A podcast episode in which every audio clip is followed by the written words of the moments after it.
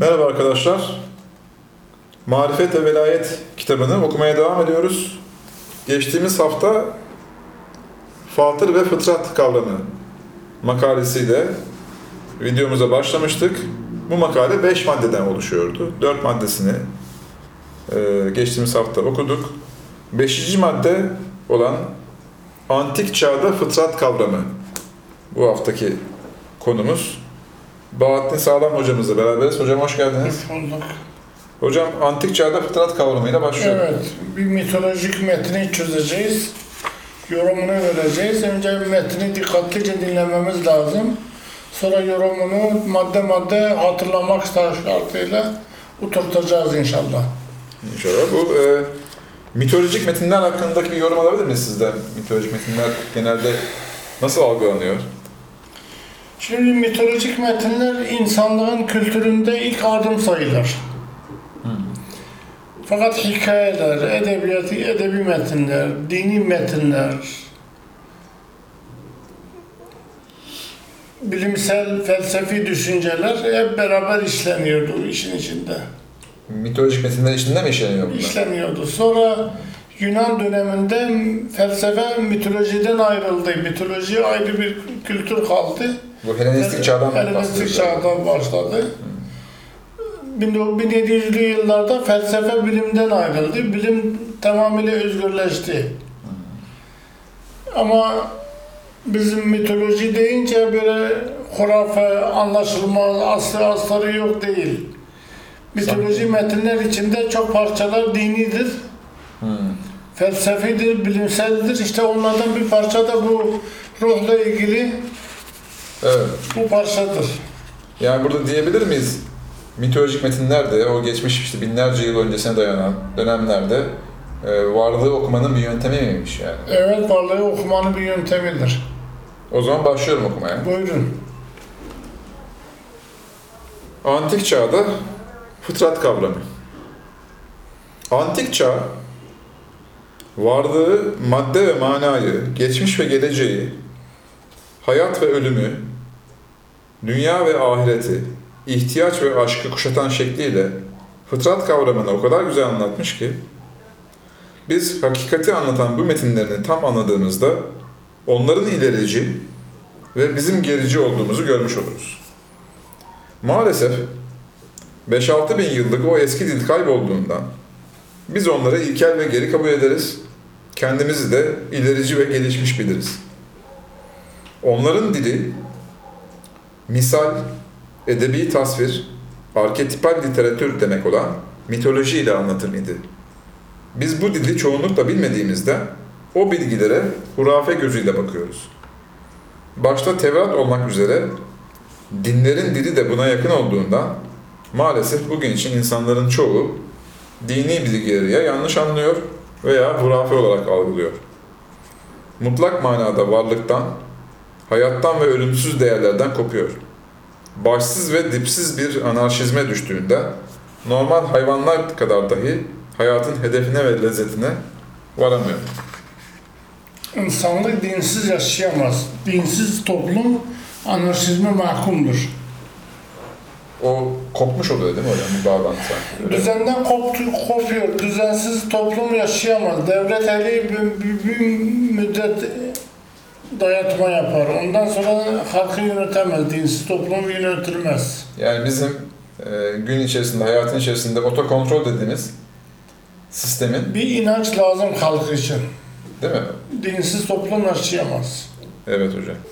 Devam ediyorum. Buyurun. İşte varlığı, hayatı yani fıtratı anlatan mitolojik bir metin. Fıtrat hayat demektir yani. Canlı yapı. Canlı yapı. Fıtrat işte sabahtan beri okuyoruz. Geçen hafta da okuduk. Fıtrat canlı yapı demektir. Yani bu tabiata e, en uyumlu hal bu. Allah'ın dilidir. Tabiat Allah'ın dilidir. Allah'ın sistemidir. Allah'ın düzenidir. Fıtrattır. Hmm. Yaratılıştır. Dolayısıyla tamamen ona uygun bir şekilde. Ona uygun yaşamak lazım. Doğal yaşamak lazım. İşte organik maddelere millet hücum ediyor ya şimdi. O fıtrata O fıtrata daha yakın olduğu için organik maddeler tercih ediliyor. Öyle değil mi? Ha, Fıtrata daha yakın olduğu için. Doğru. Başlıyorum hocam. Yapay ilaçlar, yapay gıdalar kanser yapar. Fıtratı bozuyor. Yavaş yavaş uzaklaşıyor zaten insan. Bilinç, çünkü ondaki bilinç sınırlıdır. Fıtrattaki bilinç ise sonsuzdur. Sonsuz evet doğru. Sınırlı bilinç sınırsız bilinci kuşatamıyor. Kuşatamıyor. Kuşatamıyor. Hayat demek fıtrat demektir.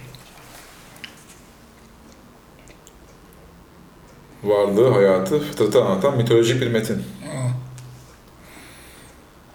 Başlıyorum okumaya. Psike, bir kralın üç kızının en küçüğü ve en güzeliymiş. Gerçekten o kadar güzel, o kadar alımlıymış ki herkes Afrodit'i bırakmış, ona tapınmaya başlamış.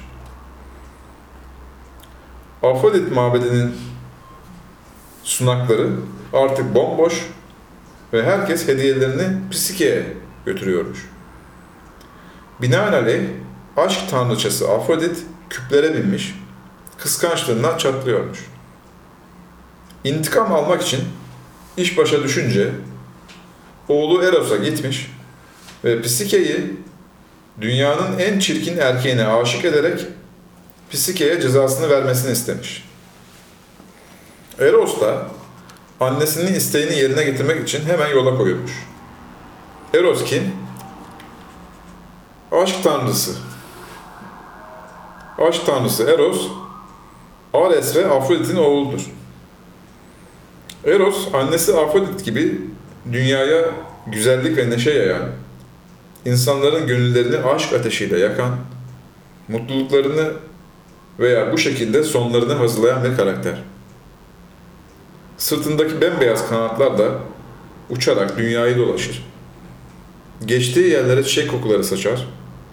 Elindeki oklarla insanları kalplerinden vurur, onları birbirine aşık edermiş.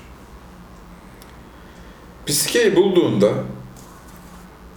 çok mağrur ve kimseye aşık olmamakla övünen bu genç kızı dünyanın en çirkin, en kötü erkeğine aşık etmeye niyetliymiş ancak kalbine nişan alarak oku atmak üzereyken Psike'nin güzelliği aklını başından almış. Onu başkasına aşık etmek isterken kendisi aşık olmuş. Oku kullanmaya çalıştığında ise hedefini vuramamış. Bunun sonucunda Psike'yi annesinin gazabından kurtarmak, kurtarmak ve onunla birlikte olabilmek için bir plan hazırlamış ve tanrıların habercisi Hermes'ten yardım istemiş. Psike'nin annesi ise ertesi gece rüyasında Tanrı Hermes'i görmüş. Tanrı ona bir haber getirmiş, kızının kaderi bağlanmıştır demiştir. Demiş.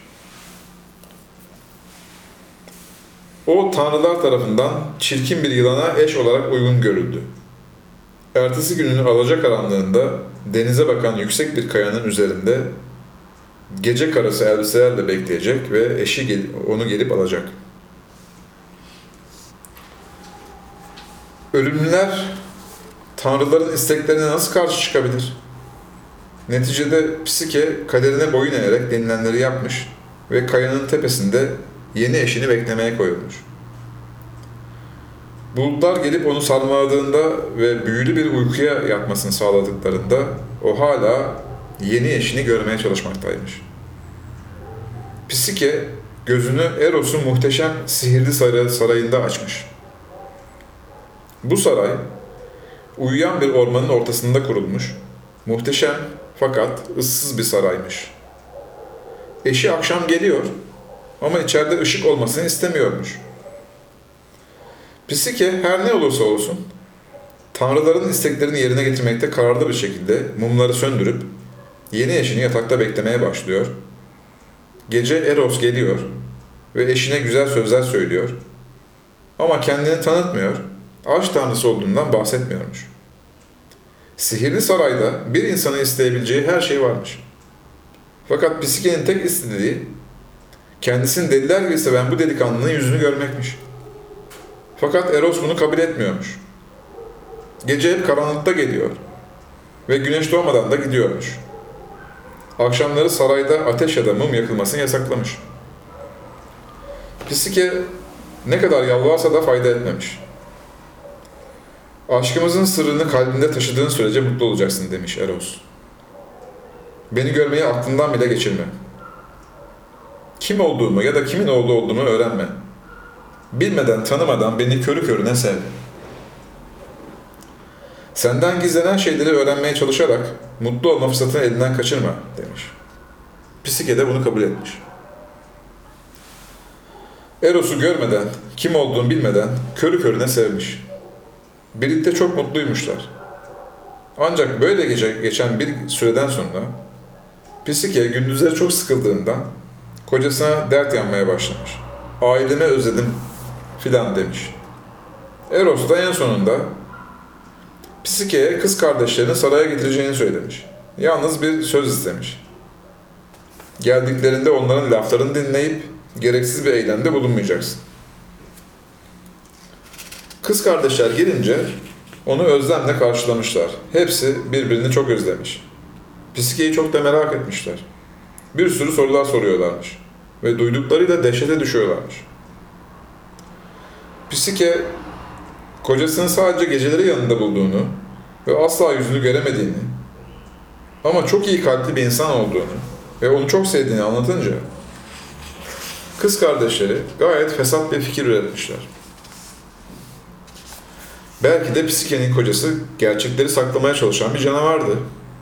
Ya da o kadar çirkindi ki bundan çok utanıyordu. Fesatça fikirlerin ardından Pisike'nin kafasını bir sürü sorularla doldurmuşlar ve ona bir gece kocası uyurken bir hançer alıp mum ışığında bakmasını söylemişler. Pisike'nin aklını bu sorular kemiriyormuş ve akşam merakına yenik düşmüş. Kocası uyumuşken eline bir mum, bir de canavarsa ve uyanıp saldırırsa diye hançer alıp kocasının yüzüne doğru eğilmiş.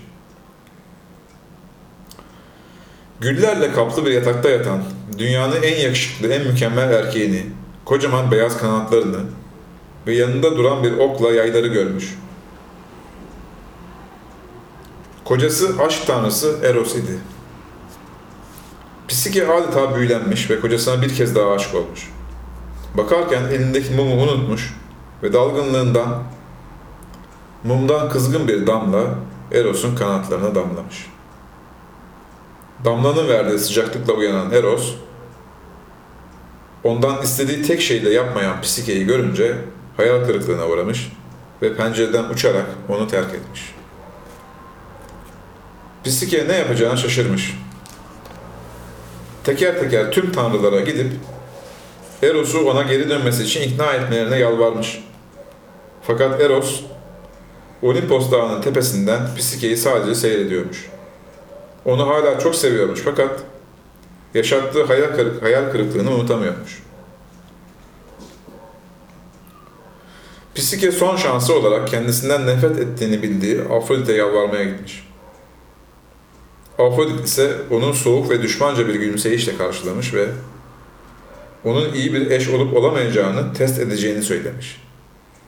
Pisike'ye yapmadığını bırakmamış. Önce bir sürü tahılın içinden tane buğdayları ayırtmış. Neyse ki karıncalar yardımına koştu, diyor. Sonra da gidip altın koyunların tüylerini kırpmasını istemiş. Bu vahşi koyunları kırpması ve yünlerine eğilmesi için çoban yardımcı oldu ve öğlen hepsini kavalıyla uyuttu. Son olarak da Hades'in karısı Persephone'den büyülü güzellik kutusunu almasını ama ne olursa olsun kutunun içine bakmamasını söylemiş. Maalesef Pisike bir kez daha merakının gazabına uğramış ve zor da olsa alabildiği kutunun içine açıp bakmış. Kutunun içinde ise gözle görülebilir bir şey yokmuş. Sadece ölüm uykusu. Pisike orada uyuyakalmış. Nefes alışı durmuş. Eros olanlardan habersiz bu süre zarfında aşkından daha fazla ayrı kalamayacağına karar vererek onu aramaya koymuş. Pisike'yi annesinin sarayında bulmuş ve ona ulaşmaya çalışmış ama Afrodit buna müsaade etmemek için kendi oğlunu bile zincire vurmuş. Bunu gören Zeus artık daha fazla dayanamamış ve Eros'u yanına çağırmış. Buna bir son vermesini ve artık onu affetmesini söylemiş. Eros gidip Psike'yi alıp Olimpos dağına getirmiş. Afrodit her ne kadar bu birleşmeye karşı çıksa da tanrıların kralının gazabından korkarak itiraz edememiş. Zeus'un önünde Psike'ye önce Ambrosya, tanrıların, ölümsüzlerin yiyecek ve içeceklerinden biri. Bir de şaraba benzer bir içki, adı nektar. İçilip ölümsüzlüğe kavuşturmuşlar. Sonra da Psike ile Eros evlenmiş, tanrı ve tanrıçaların arasında sonsuza dek mutlu yaşamışlar. Hikaye burada bitiyor hocam. Evet. Şimdi yorumuna geçiyoruz. Yorumu her cümlesinin bir sosyolojik, psikolojik, ontolojik yorum ol, mana olduğu gösterecektir inşallah bize. İnşallah hocam. Varoluş ve hayatın izahı olarak. Evet. Psike hikayesinin yorumu. Hikayede geçen kral her şeye egemen olan Allah'tır. Burada birkaç sefer tanrılar ifadesi geçiyor. Bu ise dini literatürde melekler demektir. Çünkü tabiat alemindeki her canlının, her varlığın ve gücün temsilcileri ve bilinçli yazılım boyutları vardır. Eski insanlar tabiata, canlılara ve başka büyük güçlere taptıkları için bunları bilinçli olarak temsil eden meleklere tanrılar demişlerdir. Tanrı ve bizdeki ifadesi olan ilah, tapılan varlık demektir. Evet, eskiden herkes tabiata ve hayata tapardı. Tabiat ve hayata, özellikle çok güzel olan dişilik, doğurganlık ve aşka, yani Afrodit'e tapıyorlardı. Daha sonra insanlık bu doğal varlıkların geçici olduğunu anlayınca ölümsüz olan ruha, psikeye tapmaya başlamışlar. Yani naturalizm var. Naturalizmden sonra animizm var. Ruha tapma. İnsanlığın iki safhasını dile getiriyor bu. Görünüşte basit bir hikaye gibi. Basit bir hikaye gibi. Naturalizm dönemi bir de animizm dönemi. Hikayede geçen kralın üç kızından biri cansız fizik alemidir. Diğeri saf can olan ruhtur. Üçüncüsü ise madde ve ruhun birleşmesi olarak doğan hayat ve aşktır. Birinin ismi... Afrodit yani. Evet hocam. Birinin ismi Psike, diğerinin ismi Afrodit'tir. Evet. Öteki kızın ismi ise hikayede geçmiyor. Burada kızlar tabiri ürün ve güçler demektir. Evet Allah kudret, ilim ve iradesiyle her şeyi yaratır ve yönetir. Afrodit'in oğlu olan Eros ise somut ve maddi olan biyolojik boyut demektir. Afrodit hayatın soyut boyutu olan aşkı temsil ederken Eros hayatın kendisini temsil ediyor. Eros yani hayat Ares ve Afrodit'in oğludur. Yani savaş ve aşkın oğludur. Evet Ares yani savaş ve Eros hayatın somut boyutu. Zahiren eril ve güçlü oldukları halde Afrodit yani aşk ve barış daha çok egemendir. Çünkü hayatın özü birlik, barış ve aşktır. Yani Eros, görünen somut hayat, dünyaya güzellik ve neşe yayar, aşk ateşini yakar. İnsanları ya mutlu veya bedbaht eder.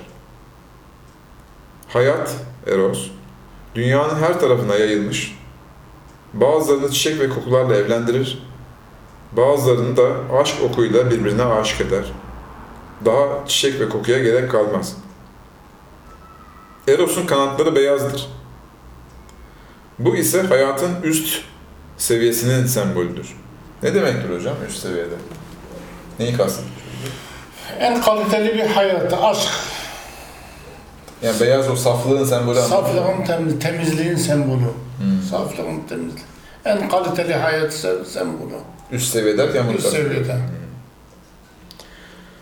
Nitekim hayatın tümü demek olan uçan atın, Pegasus, uçan atın kanatları bazen kara, bazen beyazdır. Tümünün içinde kara da var, beyaz da Kara da var, beyaz da var. Hayat içinde karı da var, beyaz da var ama Eros olunca, aşk olunca hayat hepten güzel olur. Üst seviyede sadece Bir beyaz var. seviyede sadece beyaz var. İlginçmiş. Eros, hayat, psikeyi bir çirkine yani verimsiz ve kötü bir canlıya aşık etmeye çalışırken kendisi ona aşık olur. Evet, somut dünya hayatı aslında ruhanilik ve maneviyatı bozan bir şeydir. Fakat ruh ve maneviyat yani psike o hayatın içine girince o kadar güzel ve verimli olur ki dünya adeta sonsuzluk alemi olur. Eros ile Psike'nin evliliği melek ve peygamber demek olan Hermes sayesinde gerçekleşir. Demek sağlıklı bir din olmadan gerçek bir ruhanilik ve maneviyat olamaz. Hayat tatlı bir aşk seviyesinde yaşanamaz. Hermes'e yalvaran Psike'nin annesinin özelliklerinin anlatılmaması, ruhun astral somut boyutunun mahiyetine hiç anlaşılmadığı ve anlaşılamayacağı demektir. Ana maddi çevre demektir. Ruh tek başına kalınca adeta kaderi bağlanmış verimsiz bir durumdadır. İşte bu durumdan kurtulması için maddeyle evlenmesi gerekmiş. Eros'la yani. Eros'la. Madde ile evlenince önce ilk canlılar ortaya çıkmış. Yılan gibi. Hı. Yılan ve balık hayatın ilkel seviyesini semboldürler. Balık bu seviyenin iyi tarafını, yılan ise kötü tarafını temsil eder. Ve Psike 50 milyon yıl sabretmiş, bu sabrın sonucu olarak Eros'un sihirli saray- sarayına getirilmiştir. Psike, bulutlar yani yüce güçler ve uyku, derin ruhlar sayesinde Eros'un sarayına yani insanlık boyutuna götürülür. Bu saray ormanın içindedir ve ıssızdır. Orman kalabalık sosyal hayat demektir. Issız olması ise ilkel insanların gerek sosyal ve gerek duygusal yönden verimli olmayışıdır. Saray insan bedeni demektir. Sarayın sakinleri insanın duygu ve düşünceleridir. Bu saray başta ıssızdır. Çünkü çocuklarda ve ilkel insanlarda duygu ve düşünceler başta yoktur veya zayıftır. Eros aydınlanmayı istemiyor. Evet bu görünen hayattaki insanlar ruhları görse artık hiç maddiyattan lezzet almayacakları gibi ruh yani psike ruh da hayatın biyolojik güzelliklerini görse nefisleşir, maddileşir, mutsuz olur. Eros'un kız kardeşleri hayatın maddi imkanları ve malzemeleri demektir. Eğer psike yani ruh bunlara bulaşırsa tamamen kaybeder. Bu maddi araç gereçler ve hayatın maddi duyguları tam bir melek olan hayatı bazen canavarlaştırırlar. Ruh da mutsuz olur. Bu sefer mutluluğu aydınlanmada arar. Yani ruh bilimler ışığını kullanır ki eşi olan hayatın bir canavar olmadığına kanaat getirsin. O yüzden Mumu mumu yakıyor değil mi? Mumu yakıyor. Bilimler ışığı dedi mum yani. Mum. Hayat her zaman Olimpos dağında yani zirvede olsa da aydınlanmaya sebep olan bilimler onu genellikle mutsuz etmiştir. Uçmasına, yücelere çıkmasına sebep olan kanadını incitmiştir. Mum damladı değil mi? Hı. Bu durum Eros'tan çok psikeye zarar vermiştir. Yani ruh verimliliğini kaybetmiştir. Psike yani ruh bu kötü durumdan çıkmak için önce şehvani aşka, Afrodite yalvarır. Bu aşk ona önce beslenmeyi, tahıl örneğindeki gibi, sonra zenginliği, altın koyun örneğindeki gibi, sonra boş bir kutu olan ölümü şart koşar. İnsan ruhu beslenmeyi ve zengin olmayı beceriyor. Fakat ölümü beceremiyor. Beslenme konusunda karınca yani ekosistem insanı kurtardığı gibi fakirlik konusunda da çobanlar yani işçiler insanlığı kurtarır. Fakat ölüm konusunda uyuyup kalıyor. Hades, yer altındaki ölüler alemi demektir. Hades'in karısı Persephone, Zeus ve Demeter'in yani Allah ile kimyanın kızıdır. Persephone, kelime olarak diriliş gücü demektir. Kışın Hades'in yanına gider, bahar ve yazda tahılları diriltmek için yeryüzüne çıkar. Evet, ölüm boş bir kutudur, kabir ve tabuttur, derin bir uykudur. Fakat sonsuz ilahi güç yani Zeus, kimyevi mucizelerle ölüleri diriltir. Ş- Şehvani aşk, Afrodit, hayat ruhanileşmesin diye onu zincire, binbir bağ ile bağlamak ister. Afrodit kelimesi deniz köpüğünden olma demektir. Anlamı bu muymuş hocam? Deniz köpüğü. Kelime deniz köpüğü. Evet, nefsani aşk bir kabarma ve geçici bir hevestir. Fakat bu durum Zeus'un Theos, Theo, bu kelime kökleri buradan mı uzanıyor? Oradan geliyor. Yunan'daki Zeus'u olmuş Teo. Ee, yani Allah. Allah. Zeus'un, Theo, Allah'ın gayretine dokunur. Allah bu ruh ve hayatı bir araya getirir. Onları Olimpos yani zirveye çıkartır. İşin içine Allah girince artık Afrodit yani nefis korkup işi bozmaz. Bu hayat ve ruh Allah'ın önünde ilahi kutsal aşk şarabını içip evlenmişler.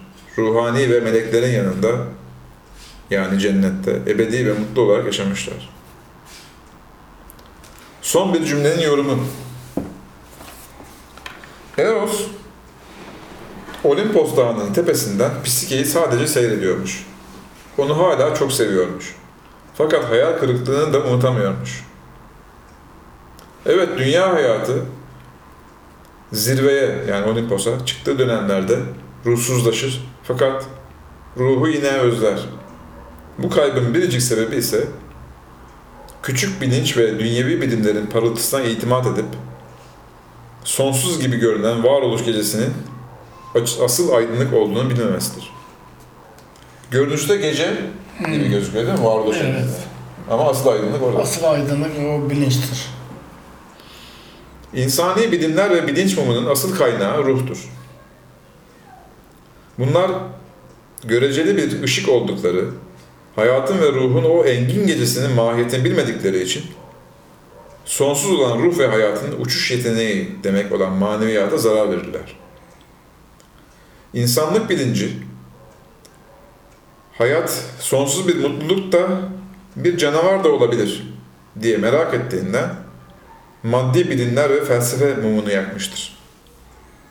Geçici olarak sonuç çok iyi olmamakla beraber inşallah insanlık yine o sonsuz güzelliği ve mutluluğu ebedi olarak yaşayacaktır. İlginç bir hikaye hocam. Ve yorumlarda çok Yani Yunan mitolojisinin yüzde evet. 50'sinde bu gibi gerçekler var aşağı yukarı. Dini bilgilermiş bunlar. Aslında derinlemesine bunlara bakmak gerekiyor. Bakmak lazım. Mitoloji deyip atmamak lazım. Çöpe atılmaz mitoloji. Din, dini literatür de böyledir. Yani bu gibi yorumlar istiyor. Ve binlerce yıldan beri gelmiş bunlar. Gelmiş, Bunlar, evet. İşte halk hikayeleriyle karıştığı için biz neyin halk hikayesi, neyin mitoloji olduğunu Sanki böyle bir hürafeymiş gibi, hurafe gibi. karışmış biraz. Karışmış. Hocam çok teşekkür ederiz. Ben teşekkür ederim. Arkadaşlar bu hafta antik çağda fıtrat kavramı makalesini okuduk. Güzel bir hikaye gibi gözüken ama aslında derin yorumlar içeren makaleyi okuduk. Haftaya yaratma süreçleri videomuzda görüşmek üzere. İzlediğiniz için teşekkür ederiz.